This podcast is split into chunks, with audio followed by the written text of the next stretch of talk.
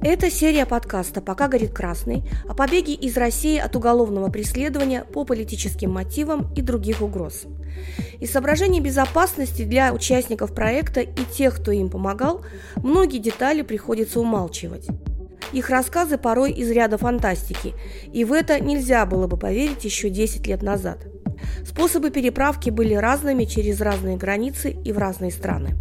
Один путь Вильнюс поездом Москва-Калининград проделал наш коллега из российского интернет-журнала «7 на 7» Максим Поляков. Он не выключал свой диктофон практически всю дорогу и даже выдавал его за особенный плеер, когда расспрашивали.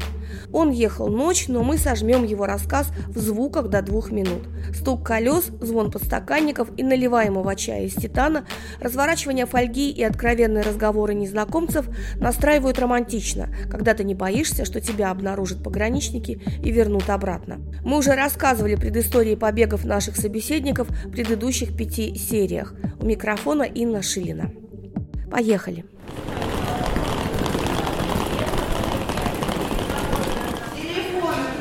Пожалуйста, выкладывайте перед рамкой. Уважаемые пассажиры, на направлении учебного поезда номер 29 на Москва, Калининград остается 5 минут. Поезд находится на четвертом пути платформа номер 3. Пассажирам занять свои места и проверить наличие предметов. Какое место? 20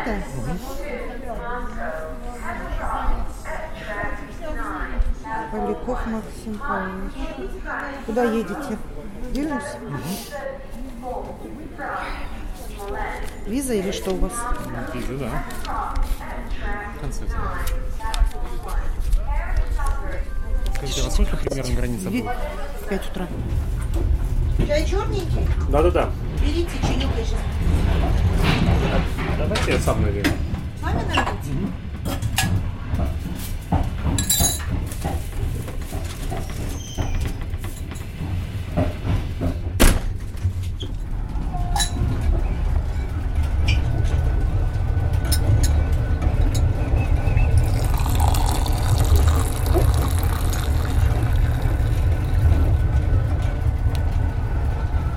Что это у вас за аппарат?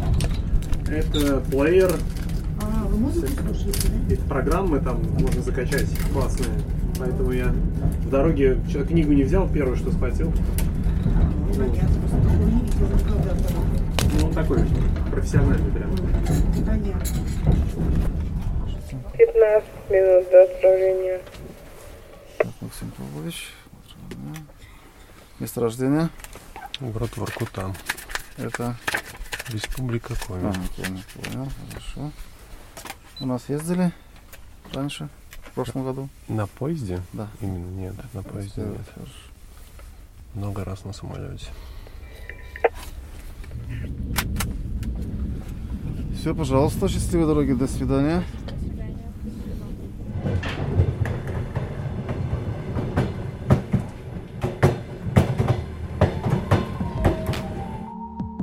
Егор Чернюк, бывший координатор штаба Навального, бежал в Вильнюс уже ночью через литовскую границу с Калининградской областью.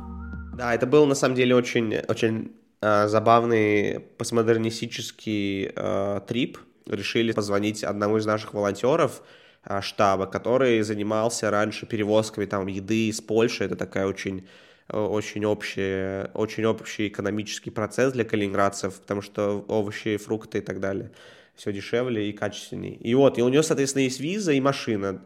Давай ему позвоним, может, это бензина зальем, и он нас отвезет. Ну и все, и он согласился, приехал, и мы решили пройти границу на Курши-Косе. Чтобы вы понимали, Курши-Коса — это такой 70-километровый полуостров, на, с одной ст- трех, 3 километра диаметром, с одной стороны Балтийское море, а с другой стороны залив. И по 35 километров примерно а, территория поделена между Литвой и Россией. И мы едем в ночи, так как это национальный парк, нету вообще света, и просто вот такая вот двухполосная дорога. И мы смеемся, б- потому что часто там выбегают всякие олени, кабаны, и если мы кого-то собьем, то нас не пропустят. Ну и что вы думаете? Конечно, мы сбили кабана какого-то, перебегающего через дорогу, и машина старая, разбили бампер, течет кровь, и мы думаем, ну отлично, и сейчас в 3 часа ночи три молодых парня на такой э, полунаркоманской машине подъедут э, на границу с Россией, э, вот, ну было страшно, весело, э, и непонятно, вот. Ну и, в общем, мы подъезжаем, граница пустует, это самая, самая нелюдная граница на, в области, а, и даже customs, как называется, пограничники, пограничники, таможня, пограничники спали, потому что мы подъехали, шлагбаум не поднялся, и мне пришлось выйти из машины, пойти их разбудить, чтобы они нас, типа, вот, мы приехали, пропускайте. Ну вот, а мы подъезжаем, и они стоят вот этой толпой полусонной, там, из трех э, таможенников, на- смотрят на нас с серьезным видом, и начинают у нашего волонтера, у первого, он подходит с паспортом, начинает ему задавать очень такие странные вопросы там, по поводу его знака зодиака и так далее. Вот, ну хорошо. Ему ставят штамп, подхожу я. Она смотрит на меня таким серьезным взглядом, э, типичной, типичной женщины на таможне в России, и э, берет мой паспорт, смотрит на меня, потом на паспорт, потом на меня, что-то листает, минут не три проходит, я спрашиваю, извините, есть какая-то проблема, что-то произошло? И она мне говорит, да, у вас серьезные проблемы. Э, Сейчас я вызываю начальника. Но я все думаю, это конец. Я думаю, сейчас, ну, там, не знаю, фейсов вызывать поедут или что-то, у них какая-нибудь загорелась лампочка. Опасные люди проходят границу. Ну и все, и она уходит, приходит с начальником, и они стоят, что-то общаются, а, и он достает огроменную камеру, а, фотоаппарат, и фотографирует меня со вспышкой. Я думаю, ну все, я не знаю, просто я не знал уже, что думать, я думал, это конец. И он выходит из, из, из вот этой будки и говорит, возьмите, пожалуйста, ваш паспорт. Я беру свой паспорт, открываю, и там лежит 100-рублевая купюра, которая затесалась в паспорте у меня в кармане. И я смотрю на него и такой, нет, я не пытался вам дать взятку, ничего, это типа, вот, смотрите, у меня в пальто деньги лежали, вот так. Я прям начал оправдываться, ну, потому что мало ли он подумал, что я какой-то там тайный покупатель, решил их там спровоцировать.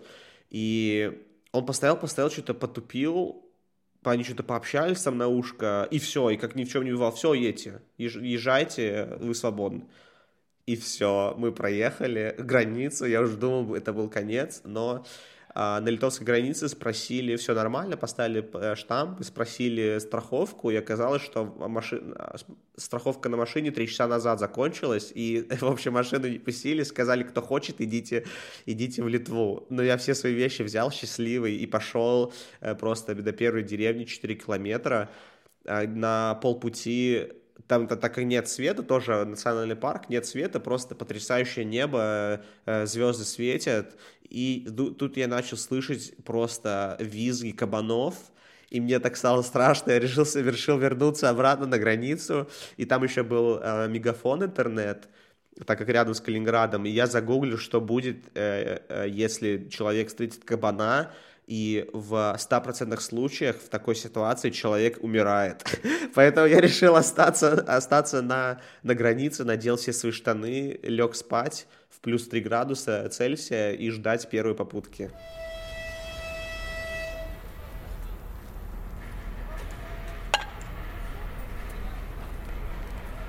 Марии Матузной, которая находилась под следствием за мемы в соцсетях и на подписке о невыезде, советовали уезжать незаметно блаблакаром, но она решила самолетом. Ну, типа пан или пропал, потому что я, в принципе, сложные решения могу в жизни принимать, то есть мне это тяжело дается самой что-то решать, и здесь мне было реально сложно решить, потому что это был, ну, тогда мне казалось, что я уезжаю навсегда, вот, и как бы это было довольно сложно принять, и я подумала, что вот, как, ну, типа, как монетку подброшу. Первый день в Киеве, блин, он, я до сих пор, на самом деле, вспоминаю прям с теплом, очень грущу, ск- скучаю по Киеву. Единственная моя ошибка, которая сделала все мои последующие, там, не знаю, недели-две в Киеве просто адом, потому что я сразу же написала в Твиттер о том, что я уехала из России, что я в Киеве.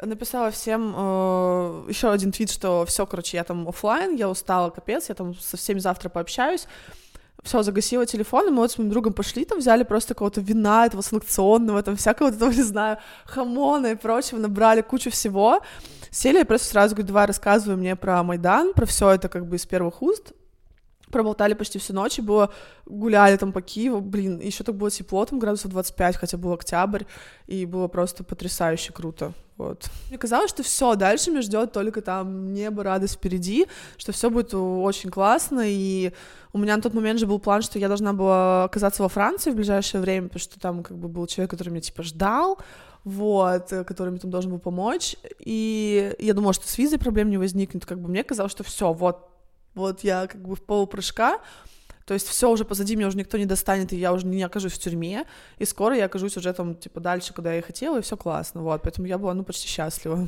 Почему роковая ошибка? Ну, потому что все мы знаем, какие у нас отношения с Украиной, и у нас куча людей, которые даже, казалось бы, каких-то либеральных взглядов, которые именно э, какие-то украинофобы, я не понимаю, почему, но это так. И особенно взять всякие либеральные, ой, наоборот, э, кремлевские СМИ, ну, в общем, меня просто начали безумно жестко травить в соцсетях, э, причем как и с украинской стороны, так и с э, российской стороны. То есть вот эти вот как-то у них это называется вышивата, по-моему, не, не, не буду, в общем, мне объясняли друзья, я забыла, что они начали мне там, мы русне здесь не рады, там, мы русский, значит, мертвый, вот это все писать, а русский наоборот, там, типа, о, понятно, там, короче, вот это вот вся столкновение произошло именно, если бы я оказалась где-нибудь, там, не знаю, в Тбилиси, допустим, то как бы, ну, это не так бы тяжело прошло, а здесь началась просто жесть. И ладно, вот эти там половина боты, половина не боты, не знаю, это как бы еще пофиг, но начали писать про меня кучу прям откровенной желчи люди, которых там я знаю через кого-то, или люди, кого я знаю, которые просто от меня резко отвернулись, и мне начала вот эта медийная московская тусовочка жестко песочить. И плюс к этому начались на федеральных каналах сюжеты омерзительного просто содержания, типа «Россия-24», и я настолько сильно была в шоке, потому что, знаете, ну, то есть, когда я была в России, я была просто всегда на, на, на волне вот этой народной любви. То есть, если были какие-то хейтеры, то их было настолько мало, что я их даже не замечала. То есть, меня все любили, все поддерживали. И тут резко просто меня бросает, вот так вот переворачивает, и меня все ненавидят. И я просто, там, не знаю, я боялась реально выходить какое-то время на улицу, потому что я не думала, что все люди, которые пишут мне в интернете, что они меня убьют, что они, типа, пишут только в интернете. Я думала, что вдруг мне реально кто-то там, мама просто там чуть с ума не сошла, она там, блин, не, не выходи из дома вообще там, вот. И это было очень тяжелое время, там, не знаю, наверное, недели две это длилось, потом я уже как бы освоилась, начала потих- потихоньку учиться забивать на это, игнорировать, вот, но первое время было просто жестко. Плакала? Ну да, очень вообще жестко. Даже когда, ну там, не знаю, день на третий мне звонили с тяжер, ну, в, в первый-второй день взяла отдых, потом э, из тяжерного мне звонили, брали большое интервью, и я там даже во время интервью что-то начала плакать, потому что он даже вот это в интервью указал, я еще очень сильно обиделась на этого журналиста, потому что, ну, как бы все тогда увидели еще раз, что я проявляю слабость, э, когда, ну, короче, тяжело мне было. Мне сложно было осознать, за что это все происходит со мной, потому что, ну, блин, я просто девчонка из Барнаула, которая не сделала ничего плохого никому. Может быть, я где-то там оступилась, затупила, но, блин, тупость — это не порог, я не знаю, чтобы человека просто уничтожать морально. И, ну, мне было очень тяжело, вот. Сколько ты времени в Киеве провела? В Киеве я провела два месяца ровно. Почему два месяца и что потом было? Ну, в общем, изначально, как я говорила, собиралась же во Францию, но потом уже там, при- приехав туда, я узнала, что никакую визу я там не смогу получить без вида на жительство. Видно. В общем, началась просто очень долгая морока с определением того, куда мне ехать, потому что визу я не могла получить никуда вообще без вида на жительство. Вид на жительство — это тоже морока. А, Я начала искать, ну, благо у меня был все-таки какой-то медийный багаж, который позволял мне найти знакомства, которые позволяли мне искать какие-то варианты, потому что если бы там я была просто каким-то ноунеймом, да, условно, то я бы, ну, вообще не знаю, что бы я делала. Вот. И начали искать, и, в общем, вот это все длилось, то есть какие-то варианты, какие-то что-то думать. То есть первый месяц, в принципе, у меня все-таки длился, вот просто я думала, что все-таки я поеду во Францию. Я ждала, когда мне придет приглашение, чтобы пойти с ним в посольство и все такое. Потом это все обломалось, и во второй месяц просто уже думали, что делать. А, ну, в итоге со мной связался один из э, там, фигурантов еще болотного дела, который уехал в Литву. Вот, предложил мне помощь. Окей, э, ты приехала в Вильнюс. Расскажи тоже про первый день. Вот ты первый раз наверняка в Литве, там, и так что. Я вообще в Европе оказалась первый раз, я ни разу до этого не была. Ну, то есть я была за границей в каких-то там, типа, Турции с мамой, а так ни разу. И И я пошла сразу же в супермаркет, чтобы купить что-то покушать, и тоже ходила там, все фотографировала, там, не знаю, просто мне казалось, что, ну, я просто в каком-то другом мире. То есть меня удивляли даже цены, что там, типа, там же все в евро, то есть там один-два вот такие числа, как бы, по сравнению с нашим. Мне было даже это в диковинку, я всему поражалась, и просто там, ну, я была в восторге, реально. Мне казалось, что вот сейчас, наконец-то, тоже примерно чувство, что и в Киеве было в первый день, что, ну, только я была, была уверена, что это финальная точка, что все, сейчас наконец-то все будет круто, все там дальше будет хорошо. Короче, не знаю, я была в восторге просто, в принципе, от того, что я за границей, я в Европе, и все так классно, я в безопасности.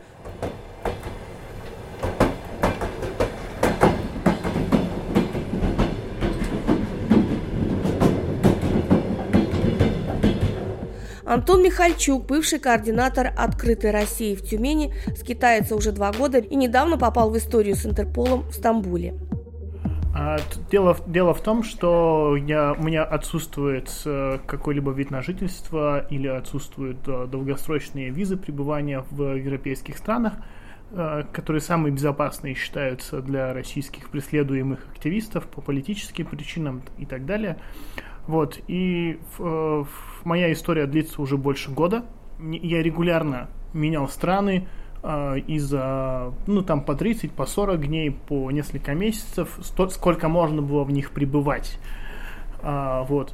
В Грузии самое подходящее относительно правового режима собственного внутреннего. Здесь можно делать документы, которые необходимы для тебя, и пользоваться различными там услугами государственными, вне зависимости от твоего гражданства.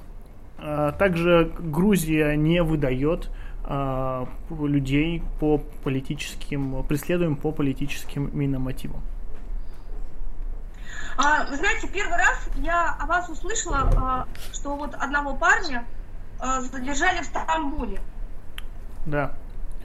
В Стамбуле э, я поехал в Можете рассказать эту Стамбул? Да, в Стамбул я отправился с той же целью. Там была договоренность с одним из посольств о том, что они смогут мне э, посодействовать в изготовлении европейской визы э, э, Европейского Содружества, Европейского Союза, вот, шенгенской. Но на границе с, э, уже с Турцией в Стамбуле переходя, э, в самолет, из самолета э, Интерпол э, проявил ко мне очень много внимания и интереса и задержал меня. Описал все мое имущество, которое у меня есть, очень подробно узнал о планах, опросил, составил анкеты. А, Мне представились, представилась эта сотрудница а, представителем русского Интерпола, что оказалось очень и очень большим сюрпризом. И только дальше я узнал о том, что стамбульские э, службы и российские службы сотрудничают между собой очень плотно, вне всяких правовых рамок. То есть неважно, они не опираясь на международные нормы, на законы. А Турция такое же неправовое государство, как Россия, и там была очень большая опасность, что меня выдадут. Но в течение там нескольких недель удалось эту проблему более-менее решить. А, За меня высказались э, общественные организации, которые представляют интересы э, ну, людей э, пр- преследуемых. А, И меня более-менее оттуда выпустили безопасно. То есть без, без каких-либо вопросов. Но были основания полагать о том, что выдадут. А, а вы можете подробнее рассказать вот этот момент? а, Вы вас прямо в самолете задержали, да? на- Нет, при прохождении паспортного контроля а сотрудник полиции, вернее, тот, кто проверяет паспорта, сразу же меня отставил в сторону, попросил подождать, подошел сотрудник полиции, сопроводил меня в, полиц- в полицейский участок внутри аэропорта, там меня перевели в отдел Интерпола, где уже вместе с полицией и сотрудниками Интерпола они мне, не разъясняя ни моих прав, а, представились, но это турецкие имена, турецкие бейджики, я ничего особо в них не смог разобрать. И начали уже процесс осмотра личных вещей и процесс оп- опроса. Вот. Мгм. А э, представитель российского ин- Интерпола, она появилась позже? А это тоже турчанка, которая практически не говорит ни на русском, ни на английском, но она представилась именно так. То есть я работаю в русском Интерполе, представилась на английском языке, и э, показывая мне на мою внутреннюю анкету в их системе, пок- показывая на меня, говорит о том, что нам необходимо уточнить очень многие вещи и детали. А, да, меня отпустили уже тогда, когда дали с меня, э, взяли с меня согласие уведомлять о моем месте нахождения, о смене места нахождения постоянно. Вот. В- Это внутри страны имеется? Внутри страны, да. Внутри страны я имел право находиться не более 60 дней, а значит, что я оттуда выйти, выбраться незаме- незамеченным никак не могу. Да, и что, возможно, не было необходимости меня задерживать сразу же. И, очевидно, они пока отправили а, запрос в Россию. Вот. Это были праздники, как раз а, январские, новогодние. Вот. А, в Турции их нет, там не празднуют Новый год. Вот. И э, по- почему они не задержали меня уже при выезде из страны, мне непонятно. Но мы там провели достаточно большую общественную широкую кампанию, подключив разные посольства, организации, от Amnesty International до других организаций. Там э, делали заранее запросы в их местную полицию и все прочее, прочее. То есть более-менее подготовились к вылету. Когда я вылетал, мне никто вопросов уже не задал никаких. Вот, мой, мой, А, и сколько вы примерно... э, да, мой адвокат сказал о том, что да, действительно, скорее всего, они а, из э, Стамбула отправили запрос в Москву, но в Москве либо отреагировать не успели, либо я там оказался никому не нужен. Тут два варианта. И сколько вы в итоге пробыли в Стамбуле? Две с половиной недели. С 26 декабря по э, по 14 января. А как вы себя чувствовали в этот момент? Ну, конечно, ты ощущаешь опасность, как и всегда в обычное время. Но э, там, конечно, необходимо было принимать меры безопасности определенные.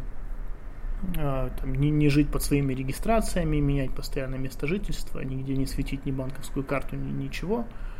Это, конечно, вызывает большие проблемы, а тем более в Стамбуле на момент моего приезда не было никого из моих знакомых или русскоязычных людей, к которым мог бы обратиться пока за помощью. Поэтому первую неделю приходилось достаточно тяжело.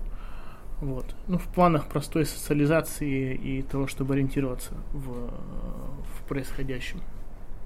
Потом уже, когда начали подключаться евро... А Стамбуле... когда начали подключаться уже европейские организации, стали давать контакты местных э, правозащитных структур и там, адвокатов, то стало уже, конечно, проще. Они смогли мне объяснить стратегию поведения, э, и мы с ними по этому плану и выехали из страны. Мгм. Ну, а вообще в Стамбуле, наверное, трудно жить там не, под своим именем, именем и там регистрироваться. Там, по-моему, везде регистрироваться надо, да? Да, в том-то Там и у них проблема. э, Да, фискальная политика. да, да, да, да. То есть у них вся система с внутренних регистраций и прочее, прочее, она синхронизирована, и, соответственно, по ней э, отслеживается любая регистрация или местонахождение любого там туриста и любого человека. Ага, по моим собственным еще ощущениям, меня всегда пугала стамбульская полиция. Ну да, э, ну нужно понимать, что у них э, постоянно э, под, под боком государства, где происходят там военные действия, где большое количество и беженцев, и радикальных элементов, которые в Стамбуле постоянно творят и беспорядки, устраивают теракты, поэтому у них система безопасности очень сильная. Очень сильная система безопасности. Там Мгм. коридоров, чтобы вот- выехать из страны без контроля практически нет. Но я там узнал несколько буквально, но это был коридор либо в Сирию, либо коридор с беженцами через Эгейское море. Но это опасно и в том, и в том случае. Хорошо, вы уехали в Париж. Вы как, по туристической визе просто поехали? Да, у меня, у, меня была, турист- у меня была туристическая виза на год. Вот она закончилась в декабре этого года. О, 2018 вернее. Дев- А, 19 в смысле. 19 А, 19-го, да. И, а что вы делали в Париже? Я участвовал в протестах вместе с желтыми жилетами. У меня там э, живет мой хороший друг, он журналист и юрист, француз. Ну и вот мы, следя за Твиттером и Фейсбуком, э, приезжали туда, где начинались эти крупные столкновения то с полицией. А тогда это был пик столкновений сильных. Но я увидел все, все протесты своими глазами, мы с ними участвовали в, в них, и я видел столкновения все эти с полицией, полиция нас разгоняла, и следующим газом мы вместе одним дышали. Из того, что нужно увидеть? То, как вот эти вот гражданские группы, они выбивали буквально из строительства свои собственные требования. О том, как э, элементы могут вот собираться в единую группу и оказывать давление. Необходимое во многом случае давление и правительство принимало решения в их пользу. Но то, что я увидел с другой стороны, это очень сильный радикализм э, этих элементов, э, который, э, возможно, даже перечеркивает всю полезность от этих протестов. То есть эти погромы, которые они устраивали, эти уличные жертвы, которые я видел там, это вот переч- переч- перечеркивает мое позитивное э, впечатление о, о протестах желтых жилетов. В Париже я пробыл не так долго. А. В Париже через две недели я отправился там, в Нидерланды. Ага. Из Ну, Нидер- Давайте, рассказывайте. Ну, дальше я отправился просто уже путешествовать практически. Я никогда до этого столько времени не проводил в Европе, я вообще ее не знал. Поэтому я решил ее подробнее изучить. Я отправился Ни- Нидерланды. Из Нидерландов там поездом э, через э, э, Германию э, в Чехию, где я пробыл месяца, наверное, два. Оттуда я очень много ездил там в Литву и в Латвию, и в там, Польшу, и Румынию, и Венгрию, и э, очень много стран я тогда посетил. Как турист. На неделю, на несколько дней. Посмотреть, сравнить, у- расширить свой кругозор, увидеть, как живут люди. Вообще, что это такое? Что такое европейское содружество? Какие они, эти люди? Как они говорят на разных языках? Какой у них рынок товаров? Какое у них политическое устройство? Все это просто пока не прикоснешься, не увидишь, ты не, не будешь так понимать очень активно. И э, долго, долго-долго до мая я путешествовал. Мгм. До мая, а что потом? В мае я уехал в Грузию.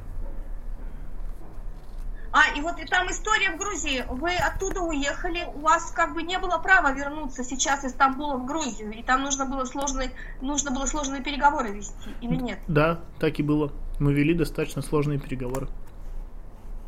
А скажите, почему у вас, у вас первый раз был ваш отъезд из Грузии э, таким, что потом трудно было туда обратно вернуться? Очевидно, э, это было с чем связано. Здесь, когда начались протесты, было очень много внимания со стороны России тогда э, к одной организации Free Russia Foundation. Российские спецслужбы, очевидно, понимали, кто с ней общается, кто с ней э, дружит, и там вели э, слежку, я думаю, и внешнюю, и следили за информационным полем. А так как я с ними находился... Да, я с ними находился постоянно, очень часто э, мелькал и на, на протестах, то, возможно, в России, ну, понимая мой статус тогда, уже это был статус федерального розыска, то они могли сделать запрос в Грузию. А запрос какого характера до конца не понять. То есть мы не можем его увидеть, этот запрос. И однажды при выезде грузинские таможенные, ну, пограничные службы меня задержали. Задержали достаточно, ну, ну это, это показалось таким э, э, не, не просто опросом, да, тогда. Не было, я, у меня было полное ощущение, что следующий самолет будет в Россию, скорее всего. Вот. Но после там нескольких звонков, после того, как э, начали вмешиваться в ситуацию э, здесь местные правозащитники, меня отпустили. Меня отпустили, но с рекомендацией больше в Грузию не возвращаться. Ну, все-таки они вас пустили в этот раз. Да, они пустили, но прежде чем сюда вернуться, мы вели достаточно серьезные переговоры. Они какие-то условия выдвигали? Никаких условий они не выдвигали. Вот. э, Но по, по, по приезду они меня все-таки поприветствовали. э, так своеобразно на второй линии досмотра, там уже пригласив в свою комнату, сказав, что здравствуйте, мы как бы за вами следим, вот, а ведите себя аккуратно, вот. Я еще даже не подошел к пограничному пункту, ну, то есть к пункту перехода, где смотрят паспорта, они меня сразу же с трапа забирают в комнату полиции, э, садят за стол, начинают опрашивать, э, вот. Но меня в, аэро- в аэропорту уже ждал и адвокат, очень известный здесь, и представитель тут правозащитной организации, вот, которые заранее уже отправили там пояснительное письмо в местную полицию. Вот. И, и связались там с необходимыми, видимо, людьми. И после этого меня впустили особо без проблем сюда снова. Мгм. А вот, эм, а вы себя чувствуете там безопасно да, сейчас в Грузии? Да, тут э, в- дело в том, что если будут происходить, происходить какие-то события с моим задержанием, то будет очень сильный, наверное, информационный шум, такой прям сильный.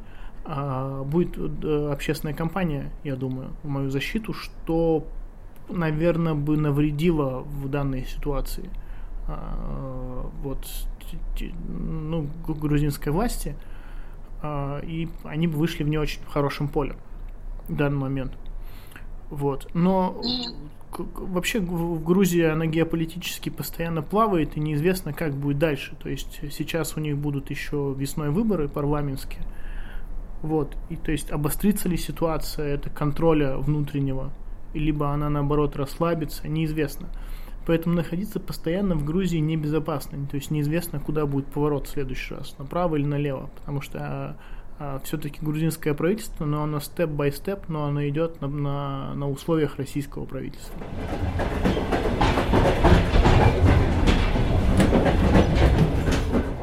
Айдар Губайдулин, подследственный по московскому делу, про свой маршрут побега рассказывает осторожно. А как ты, как ты ехал? Э, Вот ты был в Москве на да. момент того, да, и, и вот, а как можно уехать, если тебя, если у тебя вот такая отметка, что ты на подписке о невыезде? Подписка о невыезде – это не домашний арест, у тебя нет никакого браслета, и никто не контролирует твое Ну, а местонахождение. пересеч- пересечение границы? А, Судя по всему, нет каких-то баз, которые проверяют пограничники. То есть, если бы я был в федеральном розыске, они бы это определили, и меня бы, и меня бы задержали. Но я был под подпиской, и, как мы знаем, Гаврилов из Нового Величия оказался в Украине. То есть, судя по всему, нет каких-то баз, где там... И слежки как таковой не было, то, что ты вот... я, я уверен, я, я почему-то уверен, что слежки вообще не было за мной никакой.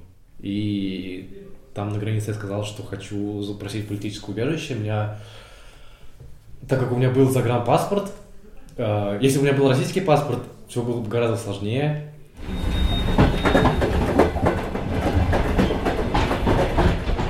Ирина Бирюкова, адвокат общественного вердикта, покинула Россию на время из-за угроз в связи с ее профессиональной деятельностью.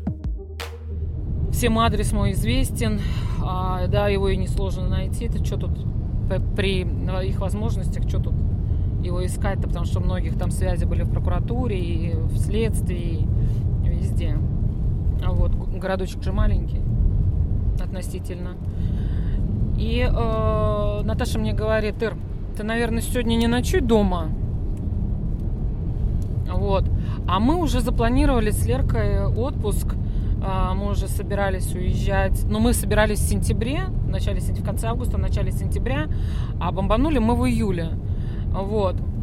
И, э, значит, э, говорит, ты, наверное, не ночуй дома, и вообще, наверное, какое-то время дома не живи. Я говорю, зашибись, и куда мне? Я к маме, говорю, что ли, ехать? Я говорю, при желании мамин адрес они, ну, довольно быстро найдут. Ты что тут искать-то? Вот.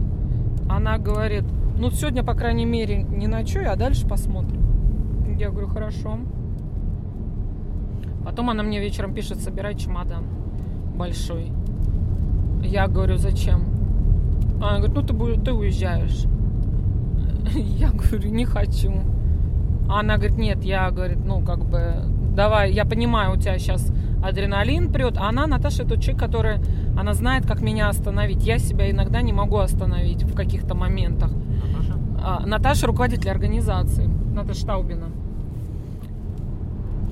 И она говорит, нет, это тот момент, когда ты, ну, как бы послушаешь меня, и а, ты не, за, ну, надавила тоже на, на, на, на больное, она говорит, ты ладно, там, ты сама большая, а у тебя, говорит, дочь, как бы, ну, давай как это. Вот. Вечером уже а, были билеты на следующий день. На меня, на Лерку. Уже ждало место, уже были готовы люди, которые нас будут встречать. А, ну, короче, все уже, все уже было организовано. Сейчас уже кажется, что это довольно смешно. Мне, мне уже мне Лерка такая сидит, когда мы прилетели в эту страну, там, где нас встречали, вот, э, и нас встретили в аэропорту, нас забрали, посадили в машину, начали рассказывать, что надо делать, что не надо делать, где мы будем жить, кто будет рядом, не рядом, надо, не надо ли круглосуточная охрана, еще что-то такое. Вот, сейчас это все довольно смешно уже кажется. И мне Лерка такая сидит в машине, мы сидели на заднем сиденье, ребята сидели впереди, которые встречали. И она мне такая на ухо говорит, мам, я чувствую себя Сноуденом. Девчонки там уже подружки такие с разных правозащитных организаций, с международных мы потом встречались, там на ОБСЕ как раз, я когда уже не была в России, была сессия ОБСЕ, и я туда, а, меня Наташа попросила прилететь, там выступить, я выступала, и с ними встречались, они ржали над этим, и они ее прозвали Сноуден, и они теперь как что пишут, говорят, как там дела у Сноудена? Ну и, в общем, она мне говорит, все, давай, езжай, билет пока в один конец. Я в шоке. Как бы, но мне шок-то тоже нельзя показывать, боюсь, ребенок-то а, напугается, ей был 16 лет. И я как-то это, я говорю, дочь, мы тут с тобой чуть-чуть в отпуск быстрее полетим, и не туда, куда мы хотели. Она такая, почему? Я говорю, ну, так вот надо. Ну и потом я ей в самолете, конечно, все рассказала. Она прикольно вообще, мам, вообще прикольно. То есть она как-то как приключение все восприняла. А маме как-то объяснять надо. А я сразу рассказала брату и его жене, потому что у меня брат военнослужащий, не буду раскрывать, где служит. Вот, э, он должен был доложить о том, что я должна, ну, что я вынуждена уехать из России своему руководству. Ну, мы улетели. Проходит дня три. А у меня скайп расписан по минутам был вообще, просто по минутам. У меня, у меня такого, такое рабочее времени не было никогда в жизни, как вот, вот в те дни, когда ты встаешь по будильнику, потому что у тебя там через полчаса, грубо говоря, уже с, с кем-то скайп.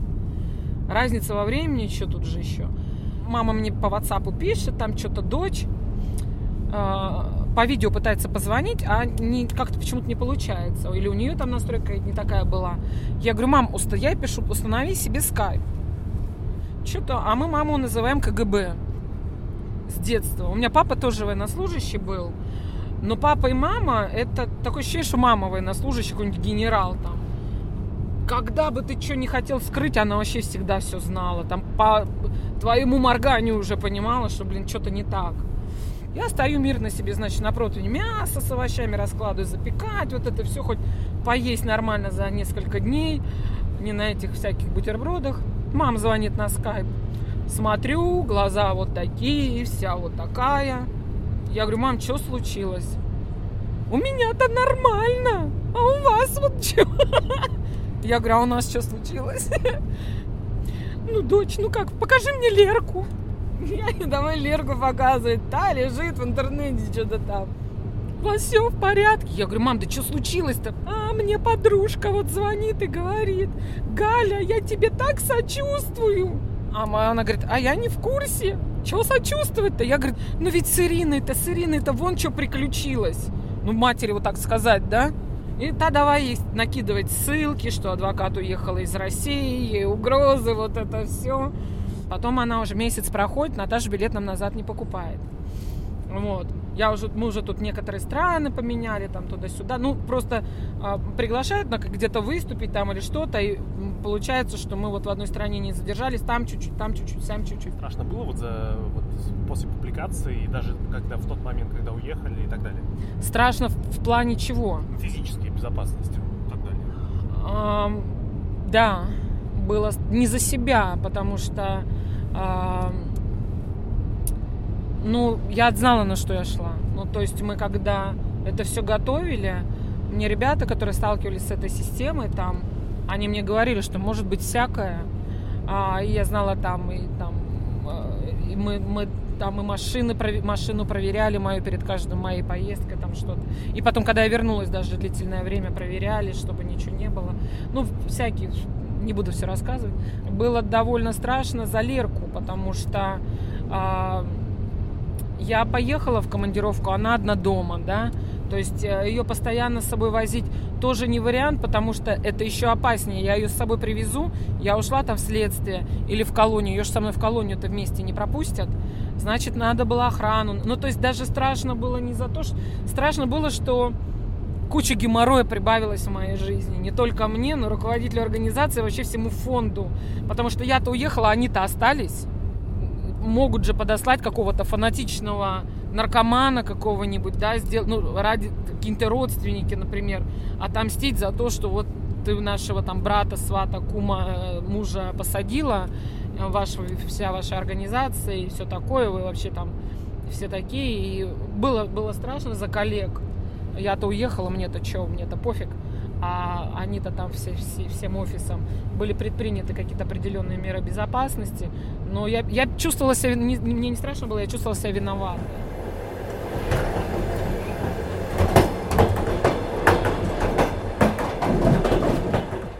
Дмитрию Семенову, бывшему координатору «Открытой России» в Чебоксарах, пришлось навсегда остаться в Вильнюсе, куда он прилетел, собственно, на пару дней на конференцию.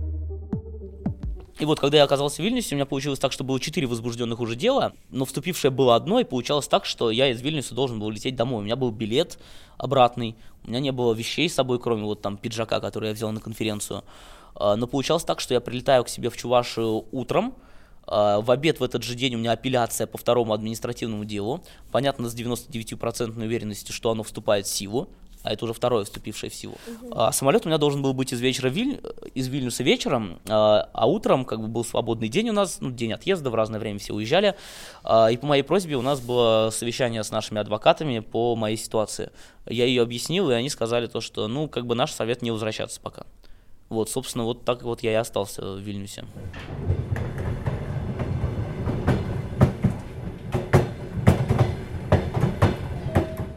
Анна Ривина, руководитель организации «Насилию нет», которую допрашивали по болотному делу, покидала Россию дважды и дважды возвращалась.